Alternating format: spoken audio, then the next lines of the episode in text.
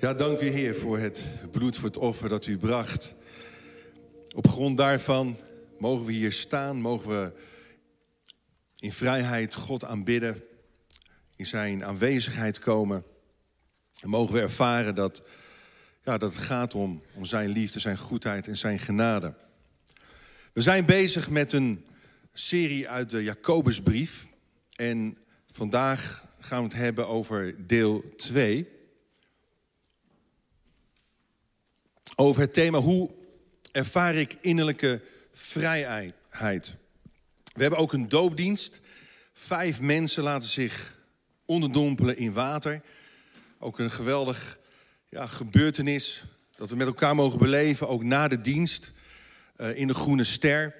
Gaan we daar vijf mensen dopen. Uh, daarna hebben we ook een soort van, van ja, picknick met elkaar.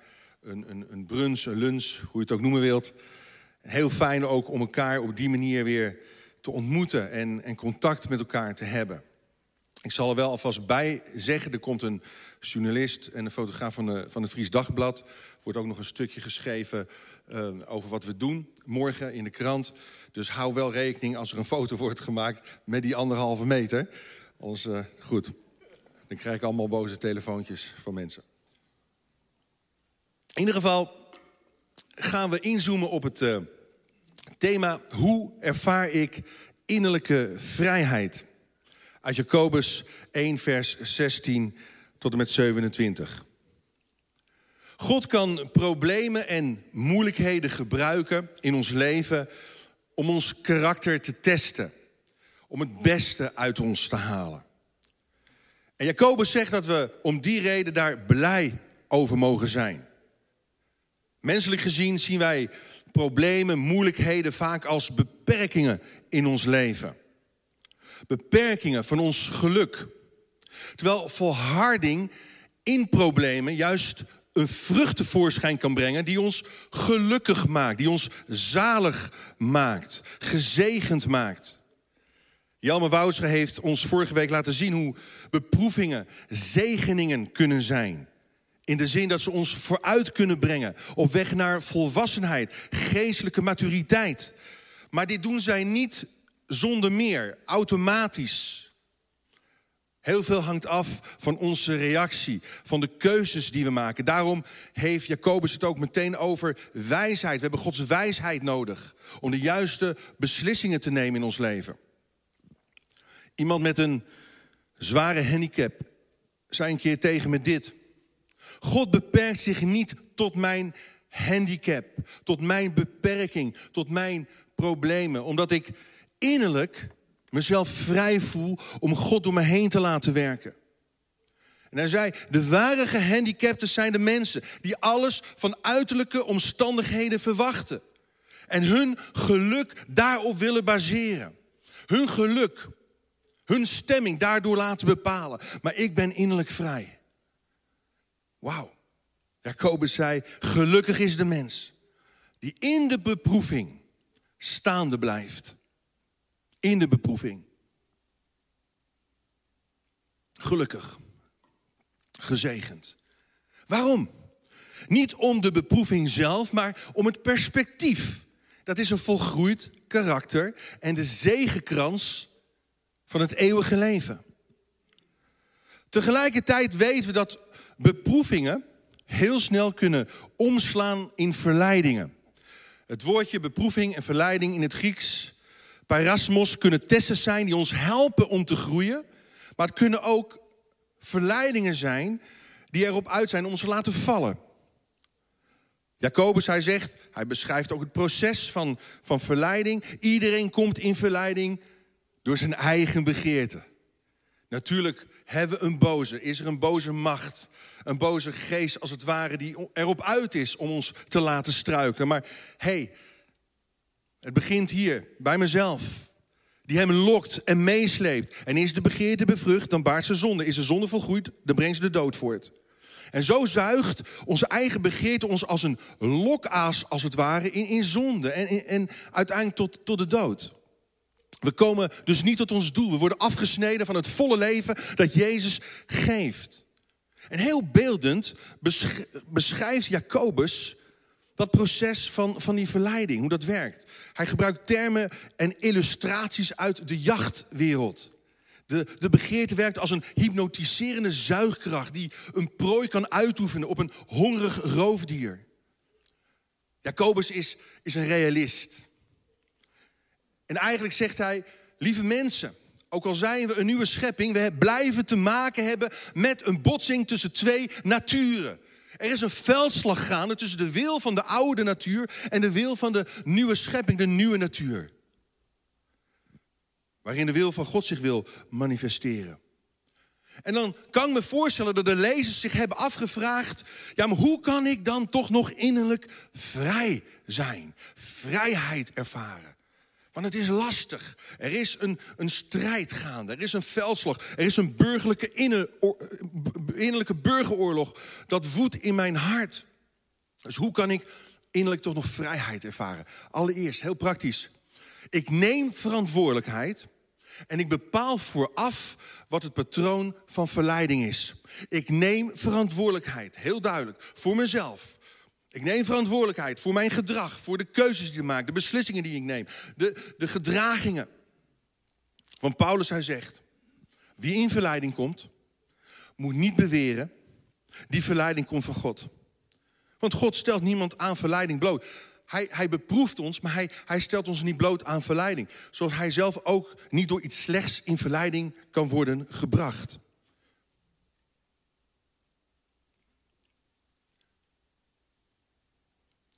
Bepaal vooraf het patroon van verleiding. Dat heeft ermee te maken dat je je verantwoordelijkheid neemt. Ook door niet verbaasd te staan als je in verleiding komt. Het is niet raar, het is niet vreemd. Ook Jezus heeft dezelfde verleidingen gekend als wij. Doch hij heeft er geen ogenblik aan toegegeven. Dus schuif de schuld niet af op God. Schuif de schuld niet af op andere mensen, op je achtergrond, op je moeilijke situatie. Neem verantwoordelijkheid over je leven. Weet wat jouw patroon van verleiding is. Of anders gezegd, even heel concreet. Wanneer, waar en om welke reden ben jij het meest kwetsbaar voor verleiding? Is dat als je vermoeid bent? Of juist misschien als je euforisch en opgewekt bent? Na een tegenslag of na een hoogtepunt? Als je alleen bent of met veel vrienden bent? Wanneer ben jij het meest kwetsbaar? Ontdek het patroon. En wat zoek je in die verleiding op? Zoek je opluchting? Zoek je, zoek je troost? Zoek je bevestiging? Het zou dus heel wijs kunnen zijn om erachter te komen wat jouw specifiek patroon van verleiding is. En als je vooraf bepaalt waar jij gevoelig en kwetsbaar voor bent, dan kun je ook vooraf besluiten wat je wel en niet gaat doen. Dus zo kan ik onder andere de eerste stap naar innerlijke vrijheid is ik neem verantwoordelijkheid over mijn eigen leven en ik bepaal vooraf wat het patroon is. Het specifieke patroon in mijn leven. En dan ten tweede, ik ga staan in mijn nieuwe identiteit. En verleg mijn focus op wie God is. Wauw, vijf dopelingen. Ze laten zich dopen. Waarom? Omdat ze een nieuwe identiteit hebben ontdekt in hun relatie met Jezus Christus. Ik ga staan in mijn nieuwe identiteit. En dan leg je je oude leven neer, die begraaf je door dat door dat water heen, door die onderdompeling heen. En je staat op, als het ware, in, in nieuwheid van leven. Dat symboliseert de doop. Je bent opgestaan in een nieuwe identiteit. Jacobus, hij beschrijft het als volgt. Hoofdstuk 1, vers 16. Geliefde broeders en zusters, vergis u niet. Elke goede gave en elk volmaakt geschenk komt van boven, van de Vader van de hemellichten van hemellichamen. Bij hem is nooit enige verandering of verduistering waar te nemen. Hij wilde ons door de verkondiging van de waarheid tot leven roepen. Om ons de eersten te maken in zijn schepping. Wauw. Hier staat dat hij jou en mij tot de eersten van zijn schepping heeft gemaakt. De eerste, eerstelingen. De eerste vruchten van de oogst. Als het ware de tienden in het Oude Testament. Werden aan God geofferd. En weet je, het drukte eigenlijk drie dingen uit. Bijbels gezien. Allereerst, het drukte uit. Van alles dat van God is, waren de eerste vruchten speciaal voor hem bestemd. De rest was voor dagelijks gebruik.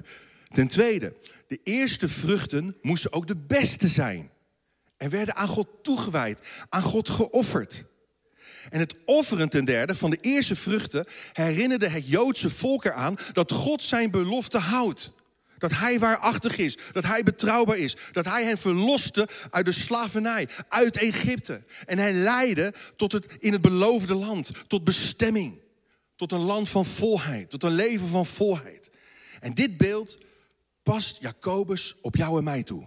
Wij zijn de eerstelingen in zijn schepping. Wauw.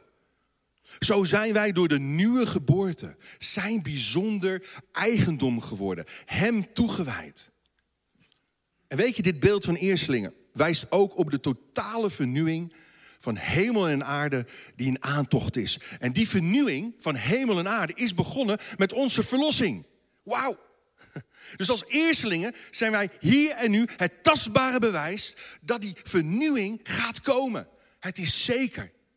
En God geeft ons zijn goede gaven en zijn wijsheid die nodig zijn om te volharden in deze gebroken wereld. Van beproevingen, van verleidingen. Zodat we innerlijke vrijheid kunnen ervaren. God heeft ons gebaard, zegt Jacobus, ter wereld gebracht door het woord van God, de verkondiging van de waarheid. En het woord van God is als het zaad in de baarmoeder van een vrouw, dat leven baart. En zo heeft God ons een nieuwe identiteit gegeven. Je bent de eersteling in zijn schepping geworden. En, en, en dan is het zo mooi hè, dat, is, dat er plotseling abrupt een, een lofprijs tevoorschijn komt. Te, midden van het proces van verleiding. Opeens gaat, gaat Jacobus God aanbidden als het ware. Want hij zegt, God schiep de hemellichamen. Hij schiep de zon. Hij schiep de maan en de sterren. En, ze kennen beweging. Soms is er een verschillende stand. Er is soms een maansverduistering. Een opgaan en ondergaan van de zon. Maar God is niet aan wisseling onderhevig. Hij blijft en is de springader van het goede. Zijn licht verduistert niet. In hem is geen duisternis. Hij geeft zijn gaven zonder bijbedoelingen. Zonder voorwaarden. En hij verwijst, hij refereert naar Psalm 104. Daar staat: Heer, lees u mee. U wil ik danken. U bent zo machtig, mijn God. U bent omgeven met pracht en met praal. U hult zich in stralend licht. U spant de hemel uit als een tent. En ik mag een eersteling zijn in die geweldige schepping. We ontvangen de kroon van leven, zegt Jacobus, omdat we de kroon op Gods schepping zijn. En dat is de reden dat we mogen volharden en niet opgeven. Oh, die kroon wil ik niet zomaar prijsgeven. Ook al word ik verleid, ook al ga ik door moeilijkheden. Die kroon wil ik vasthouden. Die kroon wil ik straks ontvangen. Die beloning wil ik niet verliezen. Ik ben een mede-erfgenaam van Christus. Hey, dat nieuwe leven wil ik niet missen, wil ik niet kwijtraken. Ik ga voor de kroon. Ik ga voor de beker.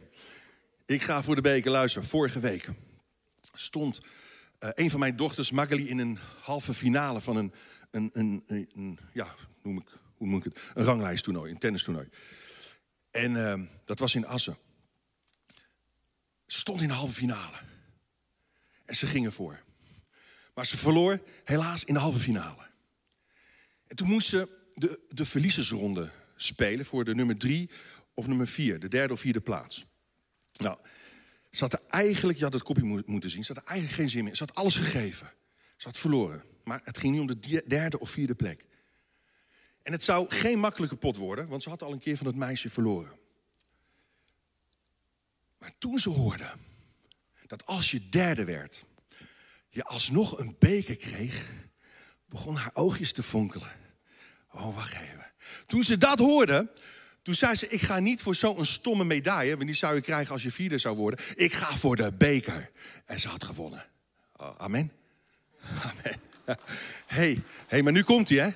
Waar ga jij voor? Waar ga jij voor? Ga jij ook voor de beker? Ga je ook, gaan wij voor de beker? Nemen wij genoegen met zo'n medaille? Of zeggen we net als Magali, ik ga voor de beker. Ik ga voor de beker. Amen. Ja, ik ervaar innerlijke vrijheid. Als ik daarop focus en natuurlijk op God. En dan ten derde. Hoe ervaar ik innerlijke vrijheid? Ik ervaar innerlijke vrijheid door het woord van God te verwelkomen. We zingen, of we zongen vroeger wel eens... Welkom, welkom Heilige Geest, lala, of zoiets. Maar goed, uh, welkom Heilige Geest. Maar ik zou, eigenlijk zou een nummer moeten komen van welkom God, Gods woord. Woord van God. Welkom, woord van God of iets dergelijks. Nou goed, ik ga uitleggen waarom. Lees je mee, Jacobus 1 vers 19. Geliefde broeders en zusters, met tederheid begint hij nu te schrijven. Onthoud dit goed. Ieder mens moet zich haasten om te luisteren, maar traag zijn om te spreken. Traag ook in het kwaad worden. Traag in het kwaad. Ik moet het vaak lezen. Traag in het kwaad. Want de woede van een mens brengt niets voort dat in Gods ogen rechtvaardig is. Wees daarom zachtmoedig. Leg alle verdorvenheid en elk denkbaar wangedrag af. En aanvaard Aanvaard zo de boodschap die in u is geplant en die u kan redden. Vergis u niet, misleid jezelf niet. Alleen horen is niet genoeg. U moet wat u gehoord hebt ook doen. Aanvaard Gods woord. Hoe ervaar ik innerlijke vrijheid in mijn leven? Door dagelijks het woord van God te aanvaarden. Gods boodschap. En in het Grieks betekent dit woord aanvaarden letterlijk verwelkomen. Verwelkom het woord van God. Als je het woord van God hoort, ook nu, of thuis als je de Bijbel leest, of met de connectgroep, als je over het woord van God praat met elkaar, verwelkom het. Verwelkom het. Wauw. De Bijbel zegt dat jij en ik wedergeboren zijn. Niet uit vergankelijk, maar uit onvergankelijk zaad door het levende en het blijvende woord van God. Dus verwelkom het woord van God. Daarom hebben we zo'n journal geschreven. Om tijdens deze serie met elkaar, individueel, maar ook met elkaar als connectgroep, te gaan nadenken over wat er staat. Te gaan praten over wat er staat. En te gaan toepassen natuurlijk. Maar Gods woord en een welkom of geopend hart is een ijzersterke combinatie. Een combinatie die garant staat voor vruchten in je leven. Voor geestelijke groei en volwassenheid. Nou, wat zijn nu de, volgens Jacobus de vier kenmerken van een wel, verwelkomend hart, van een geopend hart? En ook dit, luister goed, is relationeel van aard trouwens. Het is niet abstract. Hoe kan Gods woord op een goede manier wortel blijven schieten in je leven? Hoe verwelkom je, lees mee, hoe verwelkom je Gods boodschap? Op een vruchtbare manier. Allereerst, wees zorgvuldig in de woorden die je uitkiest. Wees zorgvuldig, nauwlettend in datgene wat je zegt en hoe je dingen zegt. Want, zegt hij, ieder mens moet vlug zijn in het horen, maar langzaam in het spreken. Jacobus zegt, rem eens af. Wees niet zelf voortdurend aan het woord. Als je, als je steeds maar praat, wat is dan het, het probleem? Dan kun je heel moeilijk luisteren. We hebben maar één mond en twee oren. Daarom moeten we tweemaal zoveel luisteren als spreken. Word ook minder snel boos en, en, en geef wat minder snel meteen je eigen mening door. Leer om te luisteren, ook naar het woord van God. Zodat Gods woord jouw gedachten kan veranderen in Gods gedachten. En dan vervolgens, een kenmerk van een hart. Geopend hart is blijf rustig. Door de vrede na te jagen. Wees traag ook in het kwaad worden. Hij zegt niet dat je niet kwaad of boos mag worden. Maar laat het jou niet tot, tot zonde leiden. Velen van ons denken voortdurend in, in, in conflictmodellen. En als je denken vol is van conflict, dan, dan is ook je doen en laten vol van conflict. En je, en je spreken. Nee, blijf rustig. Weet je, wie veel spreekt, is zelden goed in luisteren. En iemand die kwaad is, hoort al helemaal niets meer. Dus wees geen onruststoker, maar een onrustblusser. En dan vervolgens leg alles af wat je moreel gezien smerig maakt, wat je vuil maakt. Hij zegt: verwijder daarom elke smet, elke restant van slechtheid. Dat is ook weer zo mooi. Ehm, in de grondtekst staat hier letterlijk oorsmeer. Smet staat het woordje voor in het Grieks dat vertaald kan worden als oorsmeer. Ja, soms hebben we watjes nodig om onze oren weer te deblokkeren. Vuil blokkeert het horen. De Bijbel zegt, het geloof is uit het horen en het horen door het woord van Christus. Maar als er oorsmeer in de weg zit, dan moet dat eerst worden weggehaald. Om zuiver, om goed te kunnen horen. Wat blokkeert jou in relatie met andere mensen? Want dat blokkeert jou ook in relatie tot God. En dan gedraag je zachtmoedig. Neem met zachtmoedigheid het in u geplante woord aan. Dat is apart.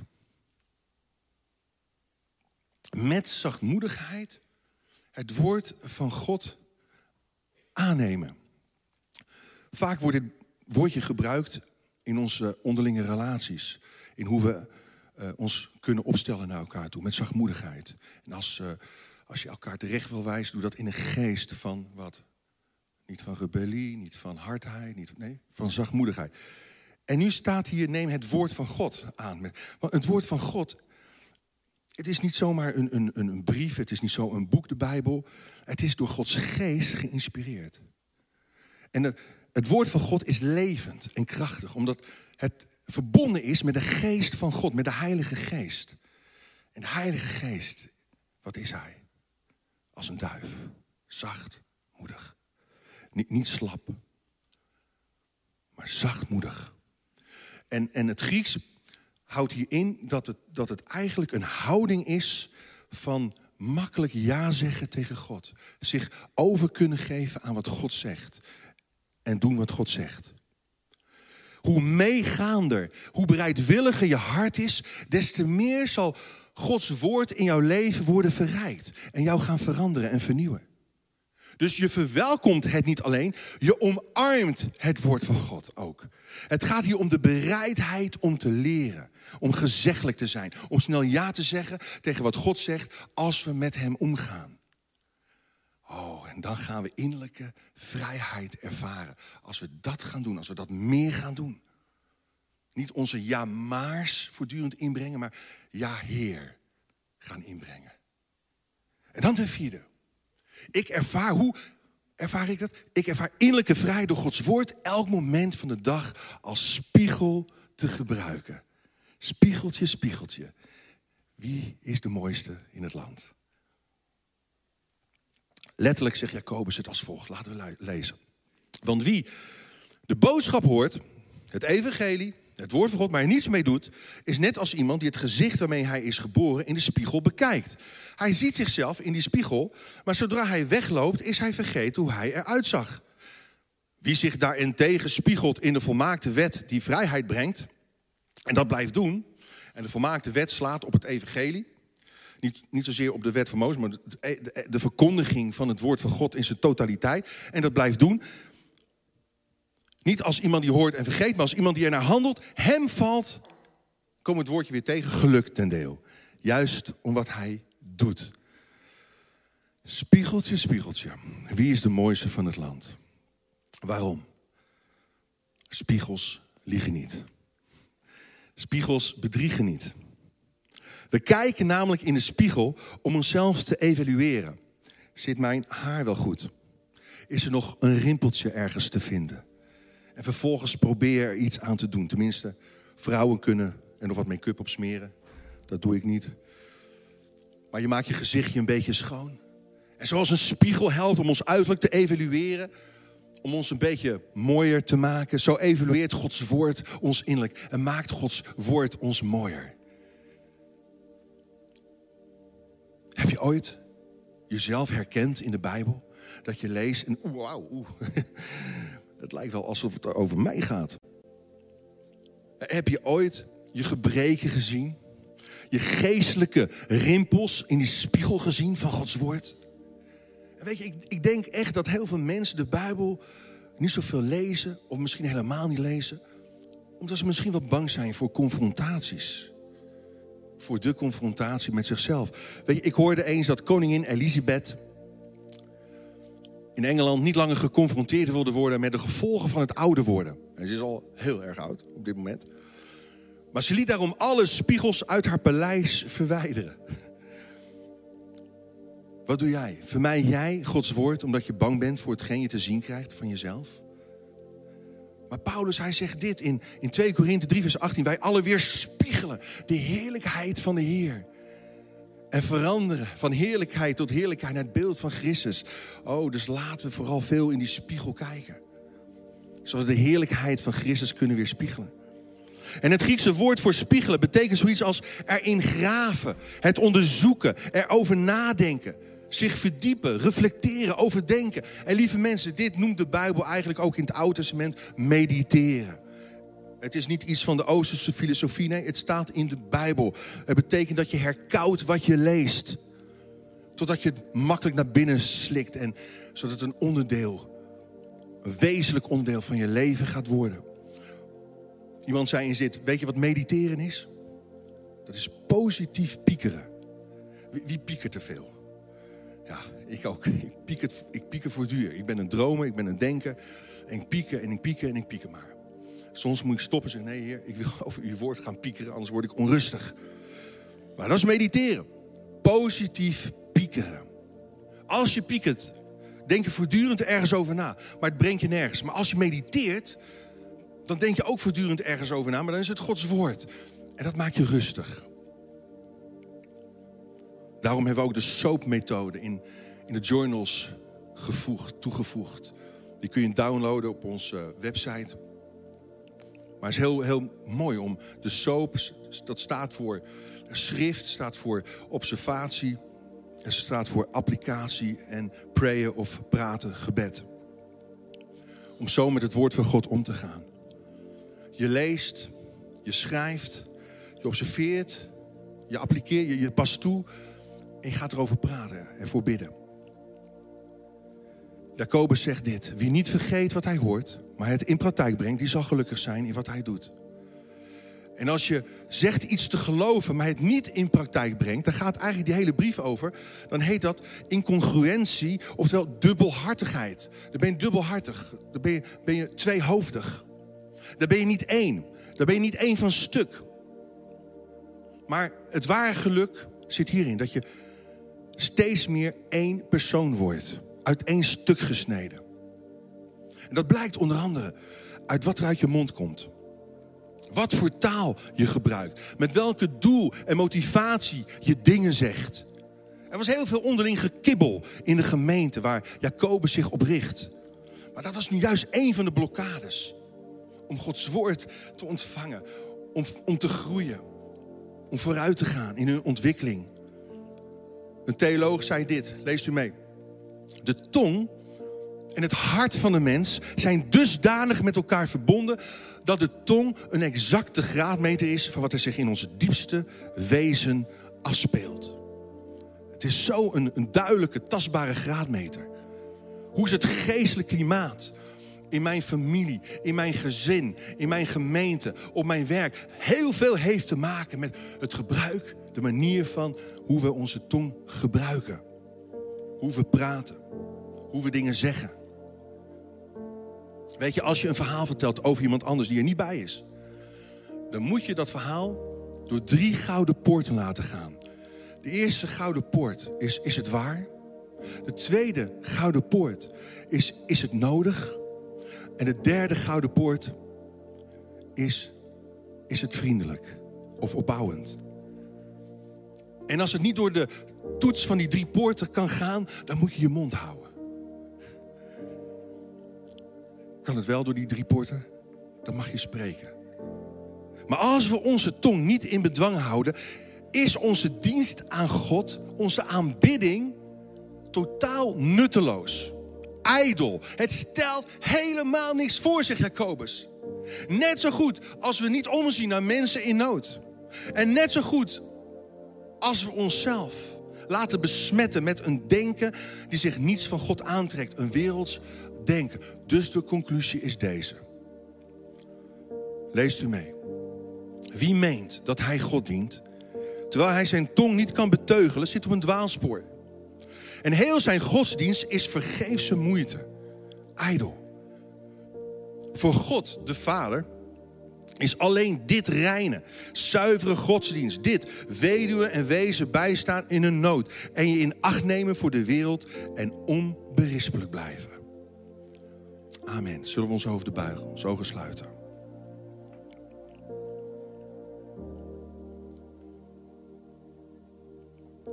Ja, Heer Jezus, dank u wel. Dat we door uw woord heen ook mogen ontdekken wat het proces is van, van innerlijke vrijheid vinden, ontdekken. We hebben het zo hard nodig in deze tijd. Vol beproevingen, vol verleidingen, vol afleidingen. Heer, help ons om uw woord te verwelkomen elke dag opnieuw. Heer, help ons om, om alle vuil te herkennen door in die spiegel van uw woord te kijken en het, en het af te leggen. Heer, reinig ons, maak ons schoon. Zodat we meer en meer uw heerlijkheid, uw glorie, uw karakter kunnen weerspiegelen hier op aarde. Heer, dank u wel voor, voor dat geweldige wonder dat, dat een nieuwe schepping in u zijn geworden. Een nieuwe identiteit hebben ontvangen. Ook voor de dopelingen, Heer, dat ze mogen beseffen dat ze een nieuwe naam hebben gekregen. Die in het boek van leven in de hemel is opgeschreven. Een nieuwe naam. En Heer, dat we mogen gaan voor die beker. Geen genoegen nemen met zo'n zo'n medaille. Maar gaan voor die beker. Heer, dank u wel. Voor uw goedheid en uw wijsheid. En als er mensen zijn die zeggen, ja, ik wil mijn leven aan die God, die goede God overgeven. Ik wil opnieuw mezelf toewijden, zoals, zoals de eerstelingen gebracht werden in de tempel, het huis van God. Zo wil ik mijzelf helemaal toewijden aan God. Ik wil het beste van mezelf aan Hem geven. Vraag dan op dit moment met mij of God in je leven mag komen. Met zijn volheid. Heer Jezus, dank u wel dat u op dit moment voor de mensen die dat willen, Heer, gaat, gaat werken in hun harten. Dat het woord van God ontvangen mag worden. Dat het zich mag gaan nestelen, gaan wortelen en vrucht mag dragen. O Heer, veel vrucht, overvloedig veel. Heer, dank u voor uw zegeningen. In Jezus' naam.